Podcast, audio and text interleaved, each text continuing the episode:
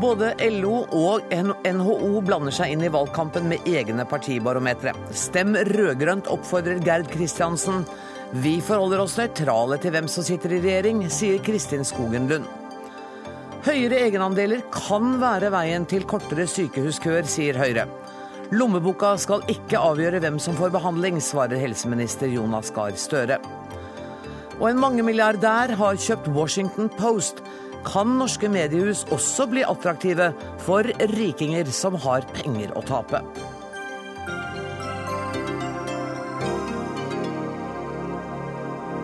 Dette er sakene våre i Dagsnytt 18 denne torsdagen, der vi også skal møte solisten som i morgen åpner Oslo Kammermusikkfestival. Han er tolv år gammel og heter Joakim Rødbergshagen. Han treffer vi senere i sendinga, men nå. LO anbefaler sine medlemmer å stemme rød-grønt. I dag sparket LO-leder Gerd Kristiansen i gang valgkampen, og organisasjonen har stilt 45 spørsmål til partiene om arbeidslivspolitikk. På en pressekonferanse i dag presenterte LO-lederen svarene, og partiet som kom aller best ut, Gerd Kristiansen, det var Rødt. Men eh, du kan jo ikke oppfordre folk til å stemme det, da? Nei, altså det er jo ikke min oppgave. Jeg har en marsjordre fra kongressen vår i forhold til hvem vi skal støtte i valgkampen. Og det er veldig sammenfallende med det som medlemmene sier på sine innspill. Eh, men det jeg har lyst til å si i forhold til Rødt, er at eh, det er jo veldig mange av våre medlemmer som, som stemmer Rødt. Mm.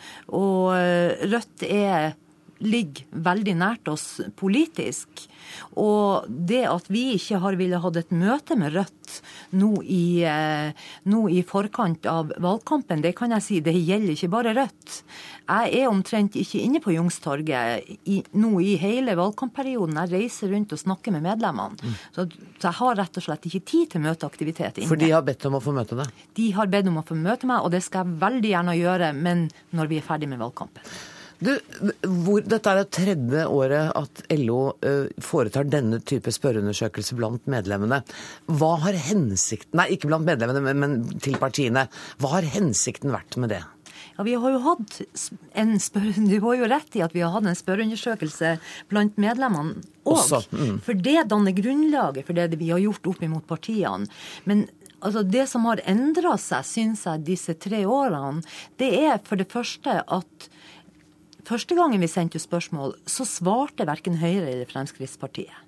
Eh, og vi fikk veldig mye sånne ja-nei-svar. Eh, nå virker det som at de politiske partiene tar våre spørsmål mye mer alvorlig, og svarer mye mer utdypende og mye mer eh, seriøst. Så, så, det er tydelig at det også er viktig for partiene uh, å gi uh, gode svar opp imot LO. Du sa at en stor del av eh, dine medlemmer stemmer Rødt, men eh, antall medlemmer som sier at de vil stemme borgerlig, er jo nesten like høy som de som vil stemme Arbeiderpartiet. Det er ikke sant at en stor del stemmer rødt. Nei, det, er cirka, det er ca. 2 ja, okay. men, men, eh, det er en stor, del, eh, en stor andel som sier at de vil stemme borgerlig. Ja, det er det. Eh, og mange prøver jo å gjøre et poeng ut av at vi går ut og anbefaler folk å stemme rød-grønt. Men det er jo fordi at vi er en demokratisk organisasjon. altså Det er det overordna organet vårt, nemlig Kongressen, der medlemmene våre har indirekte påvirkningsmuligheter som har gjort vedtakene både i forhold til valgkampbevilgninger, men også i forhold til eh, hva slags retning vi skal bevege oss i. Men det, når du sier at det er Kongressen som er vårt øverste organ som har gitt denne marsjordren og, og, har bestemt dette, kan jeg tolke deg dit til at du personlig skulle ønske at det ikke var slik? Nei, det kan, det kan du ikke. Det er vel ikke noe hemmelighet at jeg Eh, faktisk lenge før jeg kom inn i LO, eh, var medlem i Arbeiderpartiet, og det er jeg fortsatt. Hvorfor går LO inn i valgkampen på denne måten? Det gjør vi fordi at vi mener at den arbeidslivspolitikken som de rød-grønne partiene har ført nå i åtte år, de er til gagn for våre medlemmer. Det gagner våre medlemmer mye bedre enn en eventuell borgerlig politikk. Dere gir millionstøtte til eh, Arbeiderpartiet. Hva skjer ved et regjeringsskifte? Jeg regner jo med at vi fortsatt kommer til å gi støtte til Arbeiderpartiet, som er en del av bevegelsen, arbeiderbevegelsen. Er dette oppe til diskusjon? For det er jo til diskusjon blant medlemmene deres? Det er oppe til diskusjon, og det er ikke verken jeg eller sekretariatet som gjør disse bevilgningene til valgkamp. Det er det også Kongressen vår som gjør. Og der var det også et mindretall som stemte imot, mm. av ymse årsaker. Men det er jo sånn i vårt demokrati som i andre demokratier, det er flertallet som, som får gjennomslag. Eh, og det var det også i, i denne sammenheng. Skulle du ønske at fagbevegelsen kunne spille, spille en enda større rolle i valgkampen? Nei, altså, jeg syns jo at vi spiller en viktig rolle i valgkampen. Eh, og den jobben vi gjør, det er å være ute og snakke med medlemmene våre. Det er det jeg skal gjøre. Jeg skal rundt omkring i 12 eller 13 av landets fylker nå fram til 9.9. Og da er jeg ute på arbeidsplassene og snakker med medlemmene våre, sånn som jeg også er i mellom valgkampene. Men, men, nå er det spesielt, for nå skal vi ut og informere om forskjellen på rød-grønn og borgerlig politikk. Administrerende direktør i NHO, Kristin Skogen Lund. Dere har jo også kartlagt partiene hva partiene mener om forskjellige saker, men dere har ikke spurt partiene. Dere har tatt utgangspunkt i programmene. Eh, hva kom dere fram til? Nei, vi, altså, vi, har gjort det litt annerledes. Vi har eh, ikke gjort det så sort-hvitt som det vi opplever kanskje at LOs undersøkelse er. Vi eh, eh, vi har gitt partiene eh, karakterer på en skala fra 1 til 6, og da får man litt bedre frem nyansene. Eh, vi har gjort dette på over 50 politikkområder innenfor 11 hovedkategorier. Da. Og eh, det Resultatet av det ble at Høyre kom best ut med karakteren 5 pluss, med Venstre på andreplass med 5 minus, og Arbeiderpartiet på en tredjeplass med karakteren 4. Mm. Dere var kanskje ikke så overrasket over det resultatet, dere heller? Nei, det, det, altså, det, stemmer jo ganske godt med også hvordan disse målingene har slått ut fra oss eh, tidligere. Eh, så det er ikke noe overraskelse. Men jeg tror med, med, med, å gjøre det på den måten, så blir det mer eh, nyansert. For du får fram hvilke områder partiene er sterke på. Altså Arbeiderpartiet skårer f.eks. best på energipolitikk hos oss, ikke sant. Og så er det andre områder hvor de andre partiene er bedre. Så vi opplever at vi har fått fram nyansene, da. Eh, så jeg, jeg syns vel det er litt rart at eh, LO sin undersøkelse da viser at, eh, at de borgerlige kommer dårlig ut på alt. Det syns jeg kanskje vitner litt om eh, hvordan man har eh, lagt det opp, da. For jeg liker jo å tro at eh, det som er i næringslivets interesse, det er jo også stort sett i arbeidstakernes interesse. Så jeg savner jo spørsmål i denne undersøkelsen fra LO som handler om konkurransekraft, sikring av arbeidsplasser, ikke sant? et sunt og vekstkraftig næringsliv.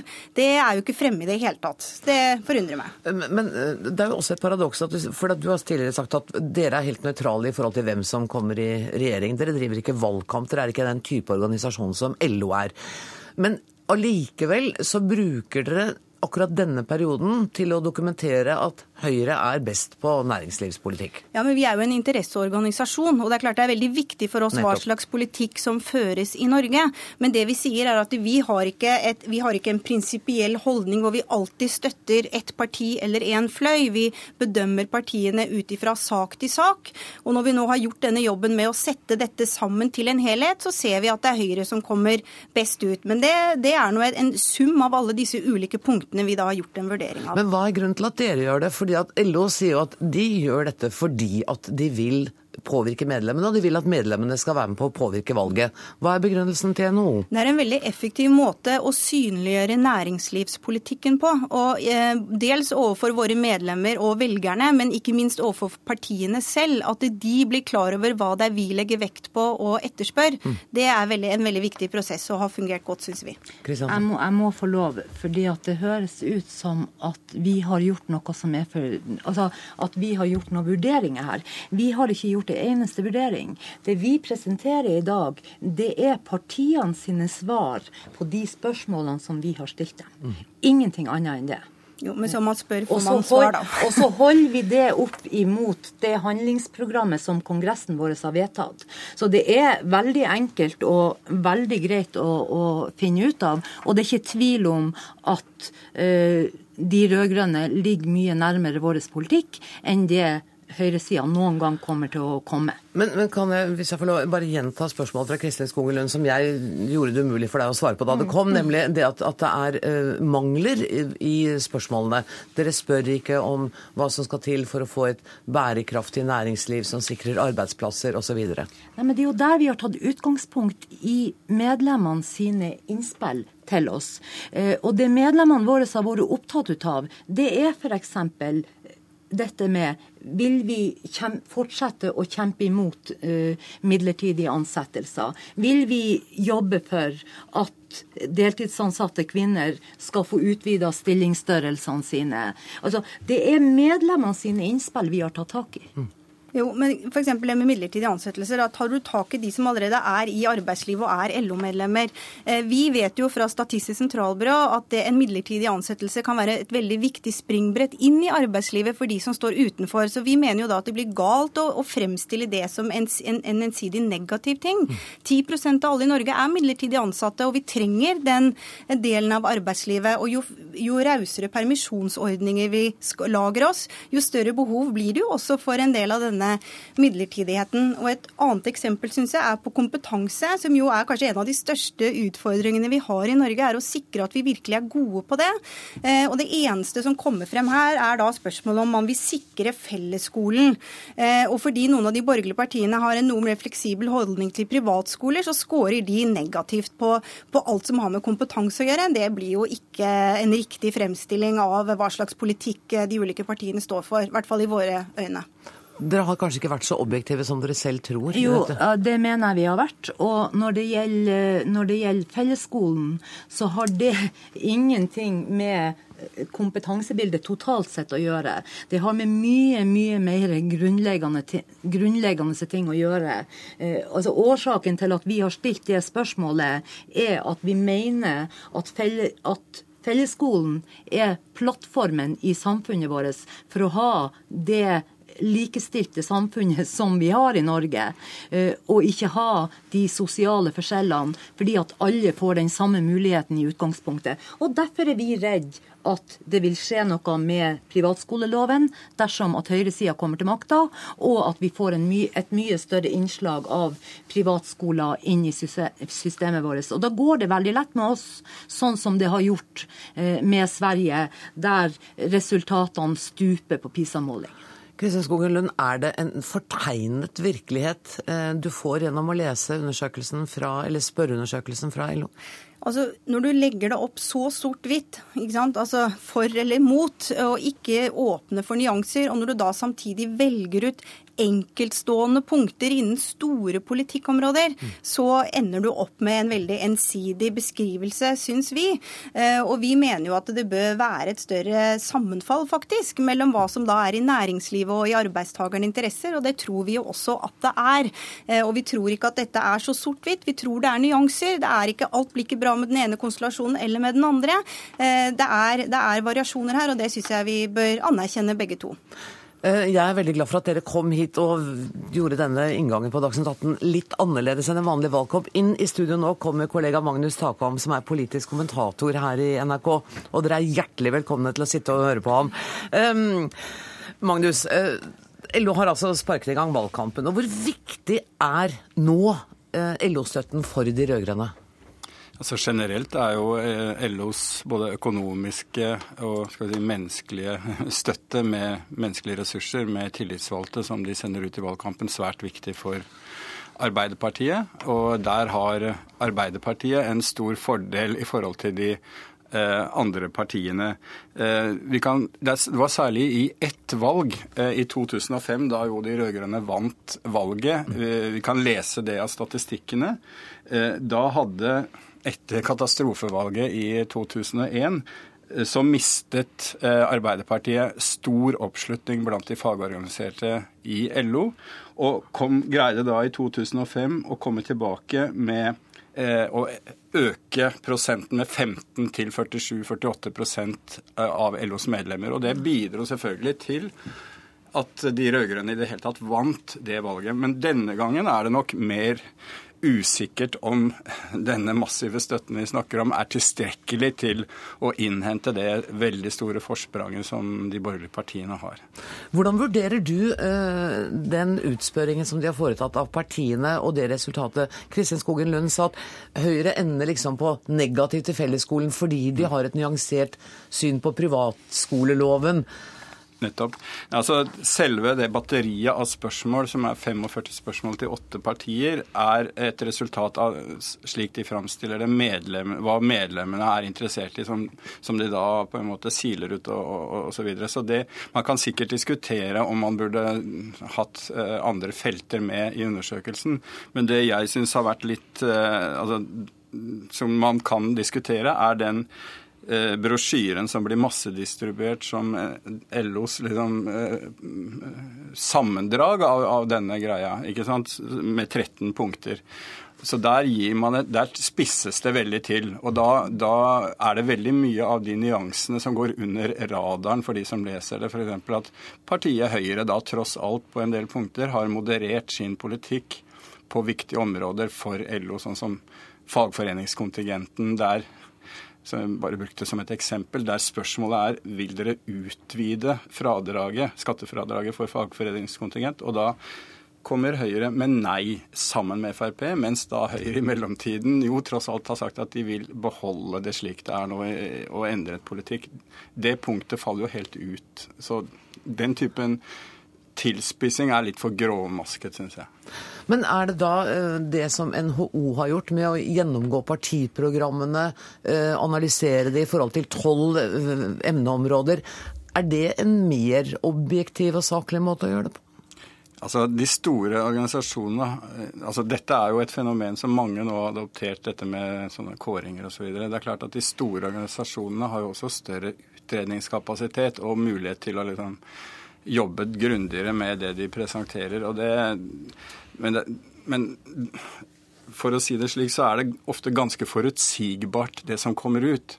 Og det er klart det svekker informasjonsverdien på en måte når man vet at eh, som regel er disse organisasjonene selv aktører innenfor vedkommende felt og har en egen interesse. Det er klart at man ser uh, litt annerledes på det enn en mer uavhengige og objektive analytikere og, og forskningsmiljøer og sånn. Sånn at eh, jeg er ikke så sikker på om, om om disse kåringene har så veldig mye å si, men jeg tror liksom de materielle ressursene og utredningskapasitet og, og, og grasrotaktivisme osv. som de kan stille opp, har en del å si. Men vil interessemotsetningene mellom NHO og LO bli tydeligere i forbindelse med valgkampen, hvis du kan si noe kort om det til slutt? Altså, det er et komplisert bilde, fordi at Arbeiderpartiet eh, og særlig den private delen av LO, altså industri-LO, jo, har jo ofte veldig felles eh, interesser og synspunkter med NHO. Mm. Sånn at det, det, blir for enkelt også å bare si LO, NHO, Arbeiderpartiet, NHO. Men i en valgkamp der det omgjør å stemme på partier, så, så, så, drar man jo argumentene i sin retning og, og, og vektlegger det som skiller mm. eh, for dem som er interessert i det, nemlig Arbeiderpartiet og, og Høyre f.eks. Tusen takk for at du kom, Magnus Takvam. Takk også til Geir Kristiansen i LO og til Kristin Skogelund i NHO.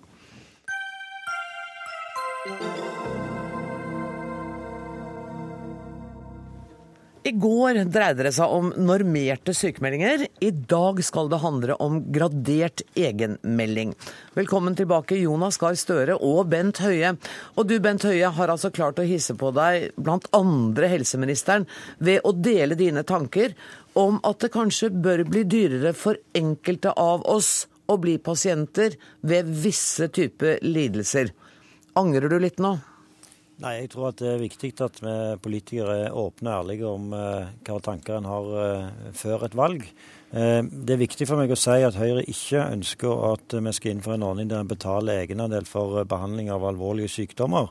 Og vår løsning for å få ned helsekøen, det er fritt behandlingsvalg. Men eh, når vi nå i neste stortingsperiode skal diskutere prioritering, eh, så mener jeg at eh, i dag er det sånn at mange pasienter opplever at de får en rett til behandling, men de settes i en uendelig lang ventekø. der helsepersonell blir satt til å prioritere pasienter langt ned. Mens vi politikere kanskje ikke like, har vært like villige til å ta ansvar og løfte en diskusjon om prioritering. Og i den sammenheng så mener jeg at eh, vi òg bør diskutere og bruke graderte egenandeler, der vi kan ha noe høyere, ikke veldig mye høyere, men noe høyere egenandeler på lidelser som i dag ligger i grenseland, om det er viktig i forhold til, til helse og lidelse, eller om det er mer eh, nødvendig, men ikke så viktig eh, behandling. Og Da har jeg trukket fram et eksempel som er åreknuter. Det vil en finne noen som er smertefulle, som selvfølgelig skal behandles raskt, men andre som eh, vi ser at pasienten òg sier at eh, det er greit å betale litt mer hvis en kan få litt raskere hjelp. Og så nevnte du snorking som et annet eksempel. Jonas Gahr Støre, en bitte liten økning i egenandelen for noen få ufarlige lidelser.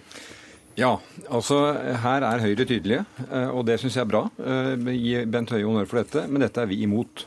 Dette er eh, en tydeliggjøring av en politikk som jeg mener er helsefaglig galt, og det rokker ved et veldig viktig kvalitet ved vårt helsevesen. For det som her foreslås, er jo i realiteten følgende at økonomi skal avgjøre om du får behandling. At man skal definere en pris, en høyere pris på noen lidelser ut fra et eller annet skjema, som skal bidra til å få færre til å vente på uh, behandling. Og det er fordi at egenandeler virker. Hvis du setter egenandelene opp, så er det færre som da går til legen for den tilstanden. Og Det som er fint i vårt helsevesen, det er at egenandelene er lave, og at det er medisinske begrunnelser som avgjør om du får behandling. Og Det Bent Høie sier nå, det mener jeg bærer galt av sted. For hvem avgjør hva som er alvorlig? F.eks. snorking. Det høres som en tilforlatelig, eh, ikke alvorlig tilstand. Og det er ikke liksom du som snorker om natta og forstyrrer kona, men det er en veldig alvorlig situasjon for de som kan oppleve pustestopp på natta. Hvem avgjør om åreknuter er et problem? Det er legen i møte med pasienten eller et kne. Og Derfor så er jeg fristet til å si at her viser Høyre litt sitt sanne ansikt. De foreslår altså milliarder i skattekutt, mest til de som har mer. Fra før. Det er usosialt. Og så skal de nå, et parti som ikke har for vane å bevilge mer til sykehusene når de regjerer, hente inn penger via egenandeler på denne måten.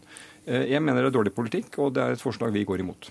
Høie, er det slik at dette forslaget kommer som et hjelpemiddel for å redusere køene?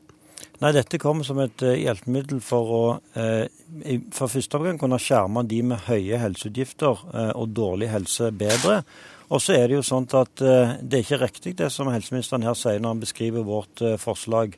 Situasjonen er jo den at eh, det som skjer i dag, det er at mange av disse pasientene eh, i Støre sitt system får en uendelig lang ventetid. Det betyr at de med god økonomi i, eh, i nå, de bruker den tjukke lommeboka si til å kjøpe denne type tjenester privat, mens de som har dårlig økonomi, de blir stående i den lange køen til Støre. Hvis du hadde hatt noe høyere egenandel for de som har god økonomi til disse typer lidelser, så kunne alle gjennom Høyres forslag om fritt behandlingsvalg fått rask hjelp. Eh, og vi kunne ha skjerma de med dårlig økonomi. Men det todelte helsevesenet, ja det opplever vi nettopp som følge av at Støre bruker eh, helsekøen som et prioriteringsvirkemiddel. Men i denne sammenheng, i går så vi jo bilder av Støre der han drev eh, hjemmeleken i skogen i Haugesund. I dag har Støre drevet politisk hjemmelek. For eh, han har sjøl nedsatt et utvalg som har dette som et av sine mandat å utrede. Mens eh, i dag så prøver han å fortelle velgerne at han ikke har tenkt å gjøre dette. Jeg vil være ærlig og si at dette kommer til å bli en diskusjon i neste stortingsperiode. Da bør det òg fram i valgkampen. Jo, men eh, Bent Høie, du har jo programfestet at du vil ha egenandeler. Jeg har nedsatt et utvalg med en ny generasjon som skal vurdere hvordan vi prioriterer helsevesenet. Stort, viktig spørsmål. Og bare denne debatten viser at det er riktig at de vurderer prinsippene om egenandeler. Hvordan virker de? Kan vi skjerme bedre? Diskusjonen om det. Men dere har jo vært ute og sagt at dere vil bruke egenandeler for å sile behandling. Eh, og eh, Da blir det jo slik da at du må gå til legen med selvangivelsen din for å vite om Nei. du er i den eller den kategorien. Dette er også veldig veldig byråkratisk. Jeg mener at hvis vi skal bidra til rettferdig fordeling i Norge, så er hovedgrepet på det gjennom skattepolitikken. Det er veldig vanskelig å se hvordan du skal bidra til mer rettferdig helsetjenester gjennom å variere egenandeler. I dag har vi et ubyråkratisk system, lave egenandeler. Legene avgjør. Har du behov for akuttbehandling, ingen venting. Noe mer så avgjør du i, i, forhold til om det er et, en, en, alvorlig eh, tilstand. Men, det, men jeg må bare spørre deg, større, for det utvalget som nå ser på bl.a. dette med egenandeler, de har vel ikke fått beskjed om at de ikke skal se på muligheten for å kunne heve dem? Nei, altså Dette er et faglig utvalg. De er Nettopp. nedsatt nå. De, de har ikke møttes ennå. De mø- møtes til høsten, skal jobbe i over et år. Vi får den debatten slutten i i 2014-2015. Og Der har vi bedt dem se på bl.a. hvordan egenandeler virker inn i dette store spørsmålet om prioritering. Og Jeg, jeg mener jo at det er, en, det er en måte å søke en brede faglige vurderinger, men, men jeg, jeg holder veldig fast ved at uh, det å bruke egenandelene på denne måten og, altså, Nå sier Høie nei, han vil ikke bruke dette for å redusere køen, men effekten er jo det. For egenandeler virker. Og utspillet hans er å si at for litt mindre alvorlige tilstander kan egenandelene gå opp. Da får vi et veldig normering, rangering, stort byråkrati. Og realiteten er jo da at folk som har behov for legehjelp, de vil kunne vike unna og be om legehjelp fordi at det er for dyrt. Det korrekte er at du ikke bare har bedt de vurdere dette, du har sagt at de skal vurdere å bruke egenandeler som et prioriteringsverktøy, som en del av deres eh, mandat. Og det er ikke korrekt det som helseministeren her sier, at vi har tenkt å bruke egenandeler for å sile pasienter. Tvert imot. Eh, Vi har tenkt å bruke dette for å gi eh, alle pasienter en rask mulighet for behandling gjennom innføre fritt behandlingsvalg. Men det som vi ser i dag, det er at dagens egenandelsystem ikke skjermer mange av de som har veldig høye helseutgifter, dårlig helse og dårlig økonomi. Ta f.eks. ruspasienter, psykiatriske pasienter.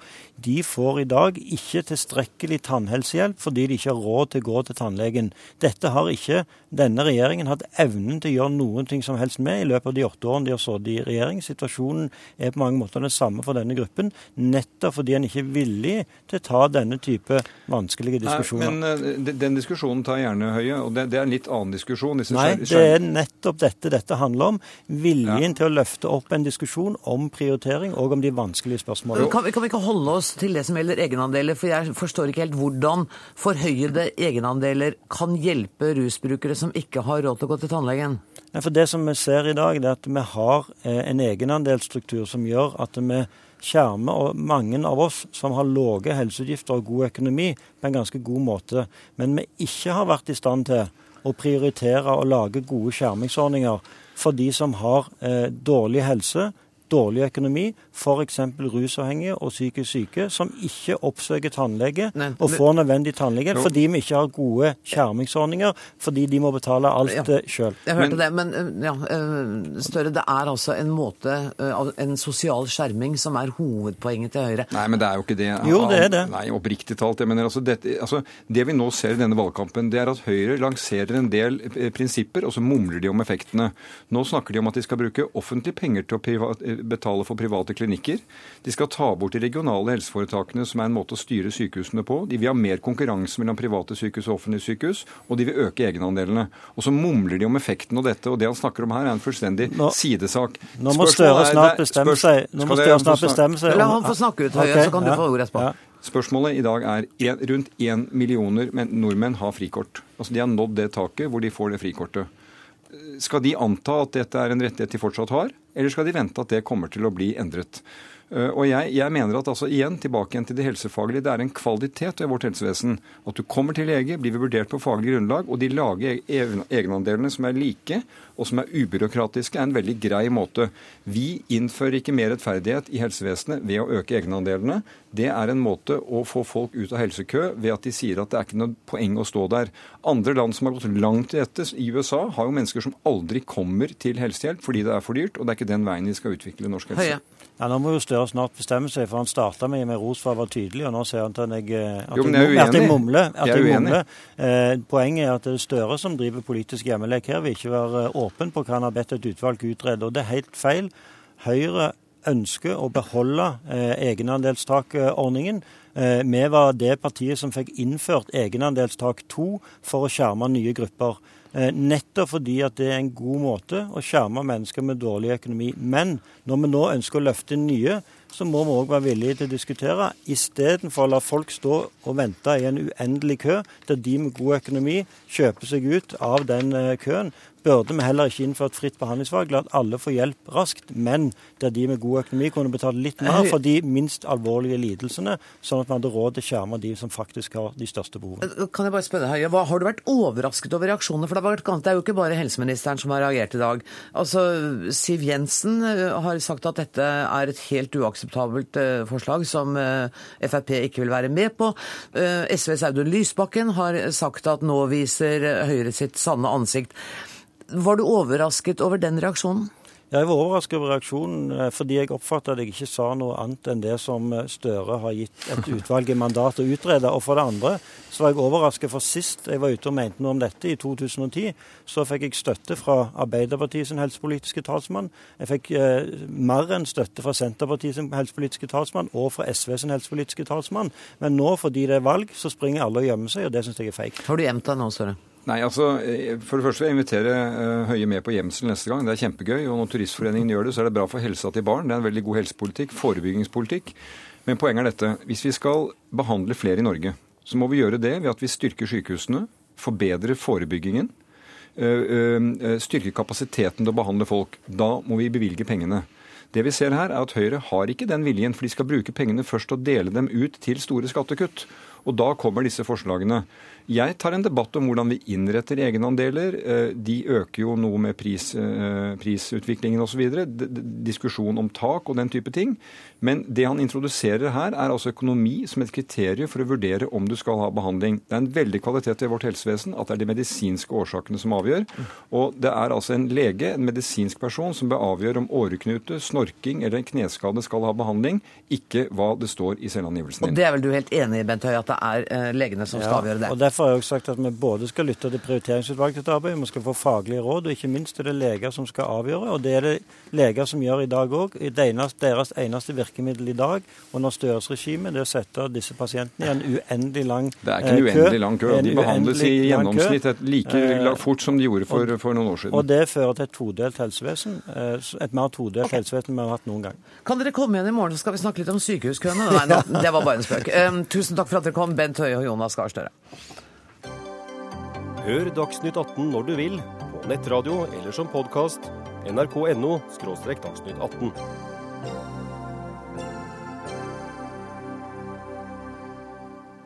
Det journalistiske fyrtårnet Washington Post ble denne uka kjøpt opp av en mangemilliardær for en svimlende sum av 250 millioner dollar. Amerikanske analytikere klør seg nå i hodet for å, forstå, for å forstå hva som skjer i mediebransjen, etter at det er flere nyrike mangemilliardærer i USA som har begynt å kjøpe opp aviser. Anders Giæver, kommentator i VG og langtidserfaring fra USA. Kan ikke du forklare meg hva er det som skjer i det medielandskapet der nå? Ja, det, det, kan ikke jeg forklare deg, for det, det, skjønner jeg rett og slett ikke helt. Ok, altså, Da må du gå, da. ja, jeg kan streke opp hvorfor de klør seg i hodet. Ja. Fordi eh, fordi altså, Noe av det er helt opplagt. Amerikanske aviser, i likhet med norske aviser, sliter med omstillingen til, eh, til digital publisering. Eh, Washington Post har vært en stor og veldig innbringende Du sa svimlende beløp på 250 millioner, men det var verdt for ti år siden milliarder av dollar. Okay. For at nå blir det jo sagt at han har betalt for mye? Ja, og, og nå mener de altså at en brøkdel av dette er, er eh, yes. for mye. Fordi fordi de taper penger, og de har ikke klart i samme grad som eh, New York Times å, tilpasse seg eh, den nye tid. Så er spørsmålet altså hvorfor kjøper Bezos, han som da er eh, gründeren bak Amazon.com, som egentlig driver postordresalg, hvorfor kjøper han dette, og hvorfor bruker han sin personlige formue på det? Og det skjer altså samme uken som eieren av baseballteamet Boston Red Sox, og som vel for så vidt også er i Liverpool, fotballaget, kjøper opp Boston Globe. Og, Det er ikke noe veldig klart svar på det. De gir ikke noe klart uh, svar på det selv. Altså, vanligvis så ser vi at medieselskapene kjøper hverandre. Uh, det kan hende at han har ideer om å trekke flere folk til nettsidene sine ved, ved å tilby innhold, da, journalistisk innhold på disse nettsidene, men da burde det finnes billigere måter ja, å gjøre det på. Så, så, det er vel grunnen til at, at mange av oss uh, klør oss uh, i, i, hodet over dette her. Ja, for det ser jo ikke ut som noen god investering for en mann som er så rik som gründeren av Amazon. Så han Nei, altså det, det, det, rett og slett har vært spekulert i, er, er dette et uh, sånn eh, trofé? Ja. Jeg er så rik at jeg kan kjøpe meg en en gammel kvalitetsavis og ha den stående på peishylla, liksom. Ja. Uh, men jeg går, jeg går, ut fra at, at, planene er annerledes. Men det er altså ikke, det er ikke Amazons penger han bruker, det er hans, hans egen pri, private formue. Hva, hva slags virkning vil disse oppkjøpene, hvis de fortsetter i den retningen som vi ser nå, påvirke journalistikken og i ytterste konsekvent ytringsfriheten? Det vet jeg ikke. Altså, øh, disse store amerikanske avisene, New York, York Times, øh, og, og, som også eide Boston Globe, og, og Washington Post og nå også LA Times, som de spekulerer i kan bli kjøpt opp, de har jo vært privateide av familier. Ja. Disse familiene har på en måte skapt den moderne amerikanske journalistikken og, og uavhengigheten. Og Washington Post er jo da kjent for uh, Watergate-skandalen, hvor, hvor uh, både eieren, Catherine Graham, sto opp mot, uh, mot, veldig, mot hele Nixon-administrasjonen og unngikk press. De, disse familiene har vært garantister for en, en, fri presse. Det er deres familieære, det er deres våpenskjold, rett og slett. Det er jo ikke sikkert at, at Bezos er noe dårligere utgiver, men man har i hvert fall ikke den garantien i bånn, og det gjør nok at de er nervøse i, i Washington Post. Rolf Erik Ryssdal, du er konsernsjef i Skipsted. Hva tror du motivet kan være for disse mange millionærene til å gå til den, kjøp, den type oppkjøp? Det er veldig interessant med Washington Post. fordi at uh, Du nevnte at det var et fyrtårn, og jeg tror nok trygt man kan si at det har vært et forbilde både for journalister, redaktører og aviseiere. Måten den avisen har vært drevet på med uh, uavhengig journalistikk. Mm. Det jeg syns er interessant, er å se på familiens talsmann Don Graham uttalelser om hvorfor de selger. Fordi at Han sier at det handler ikke om at vi vil ha pengene, eller at vi ikke har råd til å eie den videre. Det handler om at vi kanskje ikke er den beste eieren videre. Og fordi at Selv om de har den store respekten for måten å drive redaksjonelt arbeide på, selv om de har langsiktighet, så sier de at vi har ikke den kompetansen, den innovasjonskraften som trengs for å bringe Washington Post inn i fremtiden. Fordi at vår verden forandrer seg så fort, og nå er det nye digitale kompetanser som gjelder. Og, men det mener han da tydeligvis at det har Jeff Bezos. Så han gjør ikke dette for pengenes skyld, han gjør dette fordi han tror dette er det beste fremtiden for Washington Post. Mm. Og, og, Bezos han, jo, han, har jo vært en av de som har funnet opp de nye forretningsmodellene. Så han vet jo hvilken verden han skal ta Washington Post inn i. sånn at Jeg har også merket meg at flere toneangivende kommentatorer der borte har sagt at ja, men dette er jo faktisk spennende for Washington Post. Fordi at uh, han kan være mannen som, som uh, klarer uh, den omstillingen. Som Washington Post har ligget langt tilbake på, for å si. Mm. Og, og, som er en fulldigitalisering, sannsynligvis, av, av avisa. Du, Dere i Skipsted var også tidlig ute med å satse digitalt. Kan vi nå slå fast en gang for alle at nettet har vunnet over avisene? Jeg tror ikke, altså, De kommer til å koeksistere ved siden av hverandre i mange år fremover, tror jeg. Men at det digitale delen blir viktigere og viktigere, det er helt uh, tydelig. Og den utviklingen akselererer. Og uh, her tror jeg at vi kan være såpass fornøyde uh, i Norge og Sverige i Skandinavia og si at her har vi kommet lenger enn de fleste amerikanske aviser. Eh, Anders Giæver, eh, nå sier Ryssdal at eh, han, den nye eieren, kanskje, Bezos, kanskje er den beste da, for Washington Post? Ja, det er jo det er jo vanskelig å vite foreløpig. BSS har jo ingen uh, publisering, altså nyhetspubliseringserfaring. Så han er kanskje best på det tekniske, men så veit vi ikke helt på det altså, innholdsmessige han, han forstår jo veldig dynamikken i, i, den digitale, i digital handel. Mm. Det er helt klart. Han startet altså som bokhandler. og, og og nå driver han, nå selger han alt mulig rart. Jeg tror nok at mange av journalistene hadde nok vært litt følt seg litt mer bekvemme hvis de hadde visst mer uh, hvorfor, uh, hvorfor han gjør det, og, mm. og, hvordan han har tenkt å utnytte dem. Men husk på at Washington Post er altså Inntil for ti år siden så var det et av de viktigste mediekonsernene rett og slett i USA. Warren Buffett, USA, verdens rikeste mann, eh, som nå rådgir Obama, han satt i styret. De har hatt et kjempefall i, i både i inntekter og, og i prestisje. De har sagt opp veldig mye folk. Og jeg tror nok følelsen blant journalistene der borte er at, nå går det på en måte bare lukt nedover. Ryssland, er det den utviklingen vi kommer til å se, i mindre målestokk selvfølgelig, men også her i Norge? Jeg tror at, eh, at, det kommer til å bli en fortsatt omstilling for mediehusene. Men jeg er glad for at vi i Norge har kommet lenger enn det de amerikanske avisene har gjort. Og jeg tror at, eh, at våre mediehus i, Skipsted i har gode forutsetninger for å lykkes med den digitale omstillingen. Mm. Vi får, altså Det er jo bare fremtida får vise hva som skjer, og så får vi komme og snakke om dette når vi har fasiten. Tusen takk til Anders Giæver, kommentator i VG, og til Rolf Erik Ryssdal, konsernsjef i Skipsted.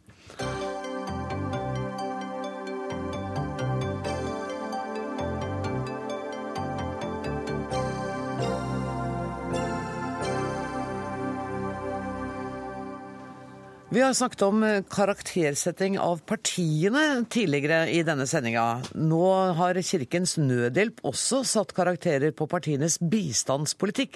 Og resultatene varierer fra to til fem, med Frp som klassens svakeste elev. Karakterene er satt på bakgrunn av en gjennomgang av partiprogrammene og lanseres i morgen i forbindelse med Arendalsuka.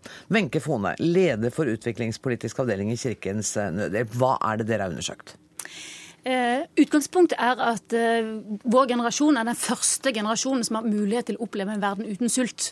Eh, men det krever politisk vilje og ambisjoner fra ledere, både i nord og i sør. Derfor syns vi det var naturlig å utfordre våre ledere nå i Norge. Så vi har gått gjennom åtte parametere eh, på eh, utvalgte områder vi tror er viktige for utvikling i fattige land. Eh, og så har vi jobba eh, med innspill til partiprogrammene i to runder. Muntlig, skriftlig, 20 møter.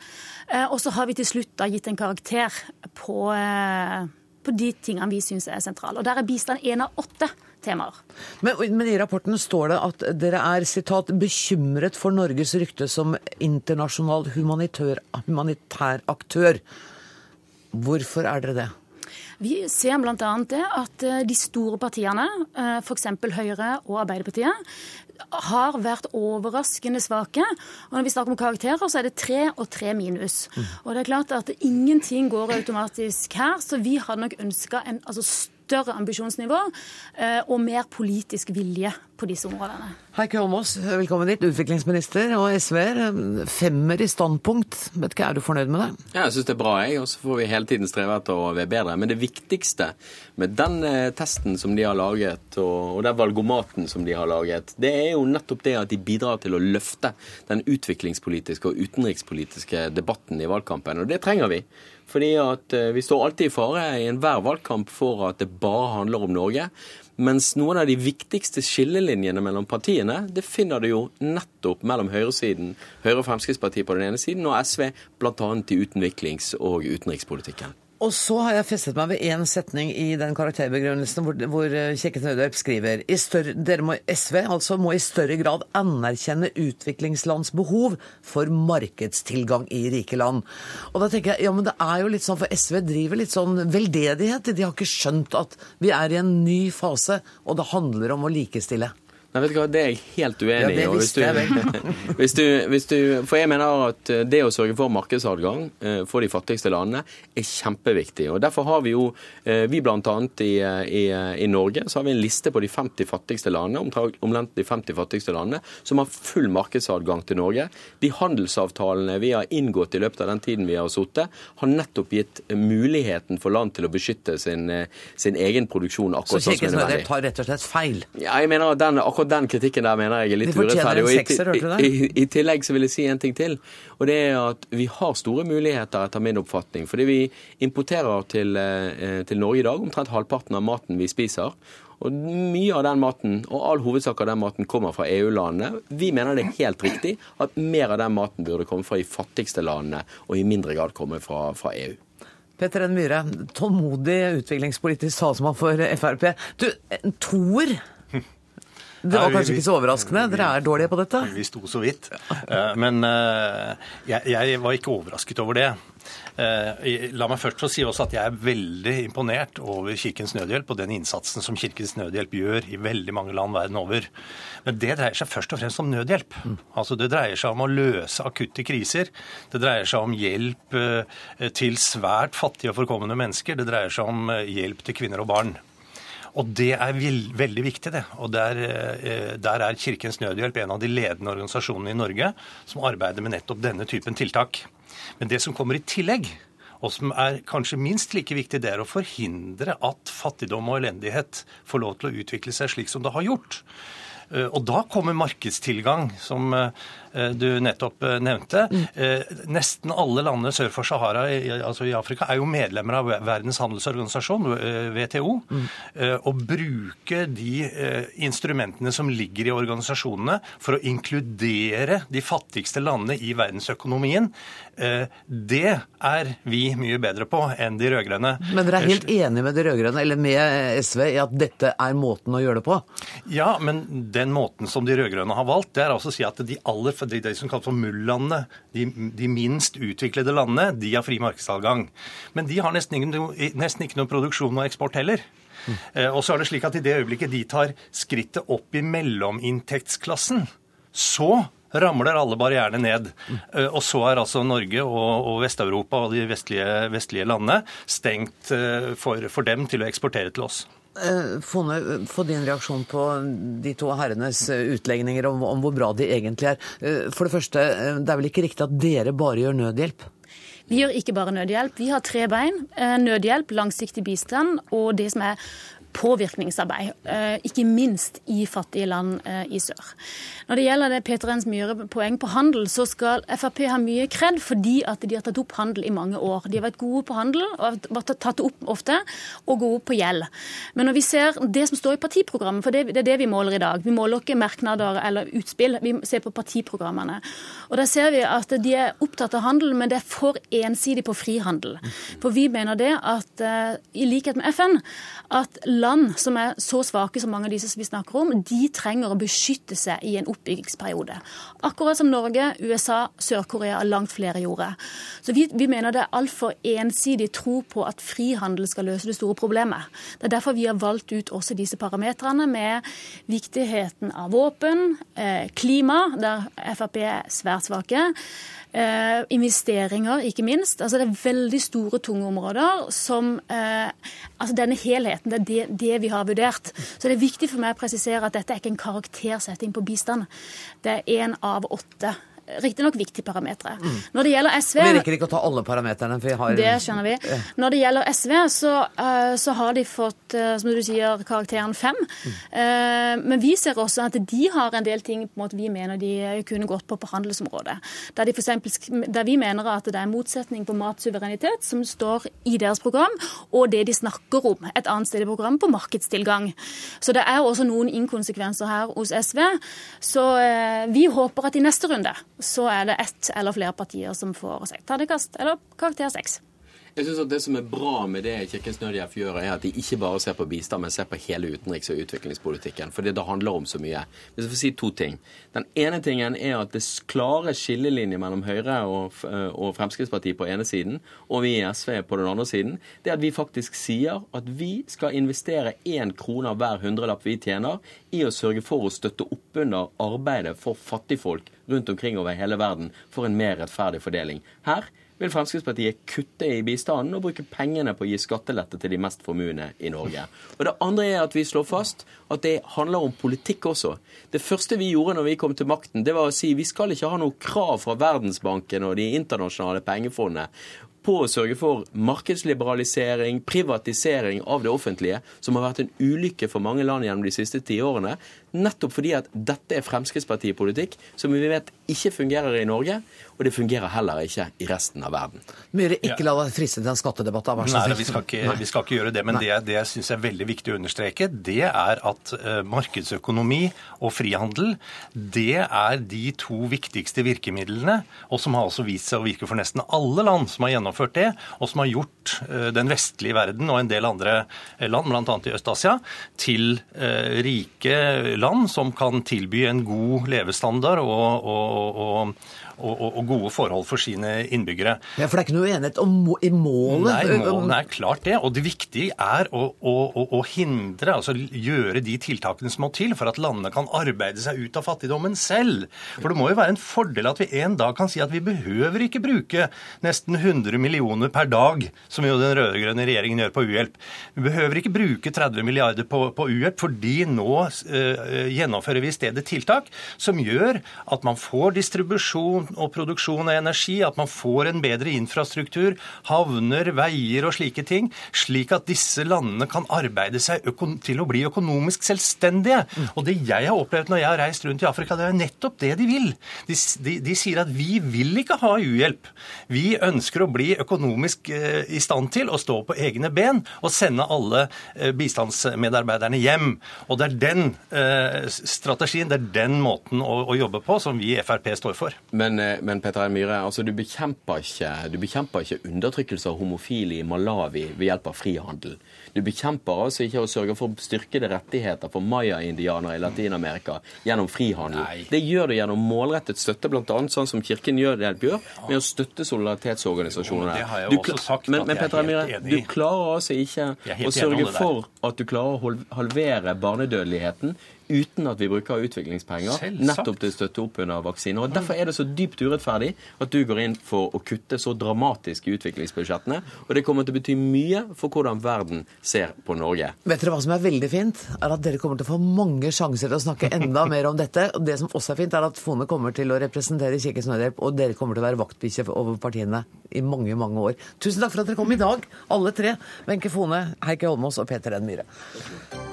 Hør Dagsnytt 18 når du vil, på nettradio eller som podkast. nrk.no – dagsnytt 18.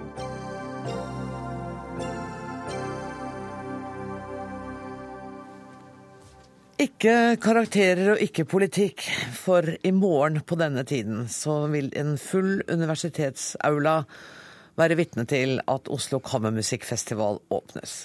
Festivalen har mange store internasjonale stjerner, men den aller første tonen som klinger i morgen, den skal spilles av tolv år gamle Joakim Rødbergshagen. Hjertelig velkommen til Dagsnytt 18. Takk.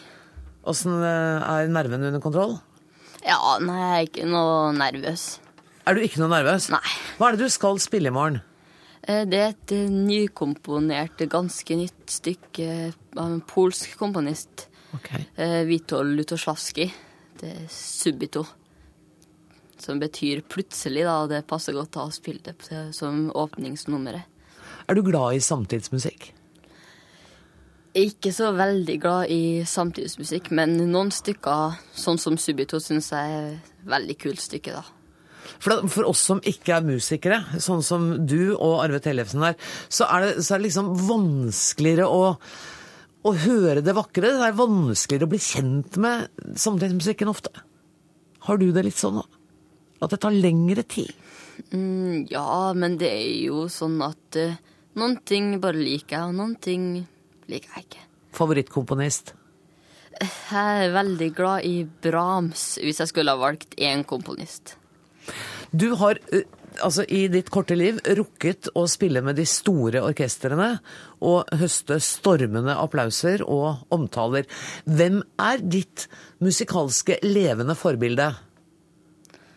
Eh, Arve Tellefsen som sitter her. Nå ble jeg ordentlig overraska, Arve Tellefsen. Du, så utrolig gøy at dere samarbeider. Ja, det er fantastisk. Hva er det du skal nå? Å ja, så det. Betal 50 kroner for den rosen. Du, initiativtaker og leder og kunstnerisk ansvarlig for Kammermusikkfestivalen. Og høydepunktene står i kø, og så tør du la en tolv år gammel musiker åpne hele greia. Ja. Er du blitt helt gæren? Nei, da, det, og det er ikke noe vågalt akkurat det, da, for at jeg har eh, jeg hørte hørt første gang Joakim spille eh, på Rørosfestivalen, ett og et halvt år siden. Og da fikk jeg bakoversveis da med en gang. Han har liksom alt det der som skal til for å gi folk en opplevelse av eh, musikken han spiller, uansett hva han spiller. Om han spiller samtidsmusikk eller Brahms. Brahms eller Mozart eller Vivaldi skal du jo spille under festivalen. da. Det, han har noe Han vil gjerne gi noe. Du, nå må du late som du ikke hører, Joakim, men du har en tolvåring, den modenheten som skal til for å formidle musikk. Ja, det har jeg tenkt en del på at um, eh, det er ofte sånn at man tror at det er litt overfladisk. Det er barn Han sier at han er ikke noe barn, han er jo ikke heller men eh, når de spiller. Men jeg har funnet ut det at barn har veldig mye følelser som de kanskje ikke får gitt uttrykk for gjennom ord bestandig. Men gjennom musikken eh, er det ofte de klarer det, altså. Og jeg syns det er så spennende å høre på sånne unge musikere. Behøver ikke være fullt så god som Joakim engang, altså, men de føler at de har noe å gi musikken. Så nei, jeg var ikke i tvil jeg, om at eh, skal vi åpne med et stykke, så kan det godt være Joakim og Lutoslavskij. Lutoslavskij. Ja, flott.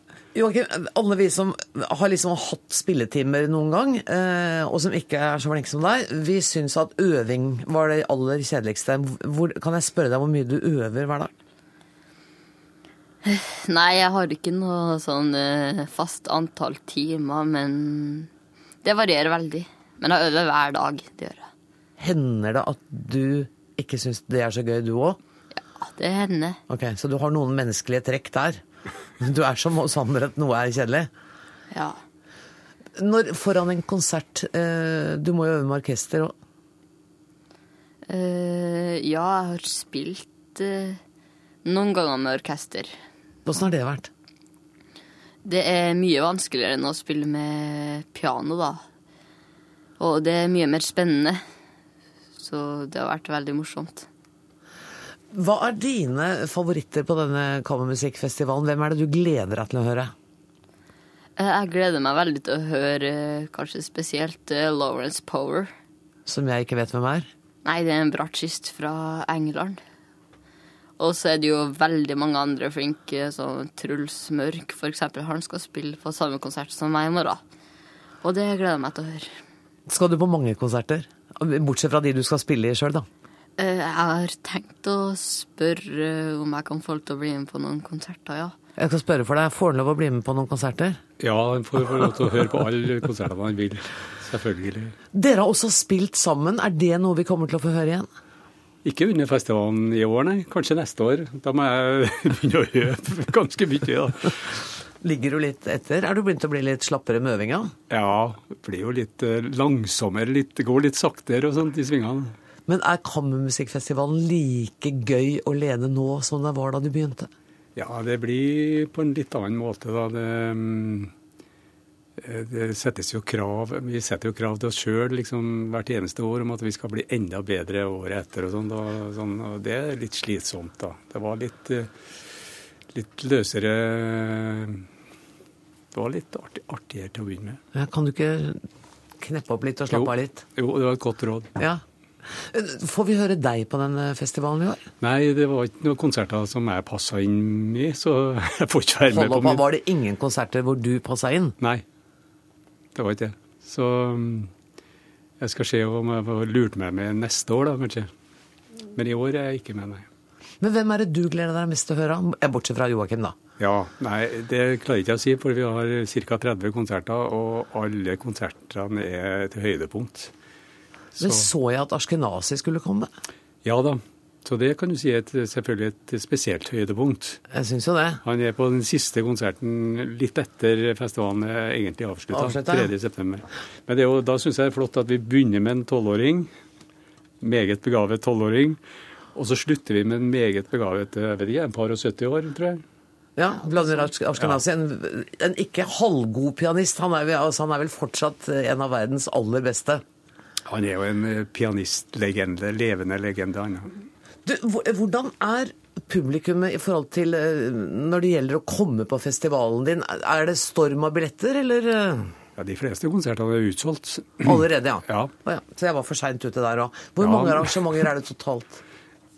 Jeg har ikke helt tallet, men det Nei. ligger rundt 30. Og de mest forunderlige spillesteder Altså, Auland er jo ikke noe forunderlig, men hva, har dere, hva er det for noe i år? Og Oscarshall og hva er det som er forunderlig i år, da? Vi har Oscarshall. høy, Høymagasinet, et gammelt høymagasin på Akershus festning. Ok. Hall Oscarshall er heller ikke noe stort konsertlokale? Oscarshall, nei, det er ikke noe stort, nei. Men det er intimt, og det er veldig flott. Veldig flott. ja.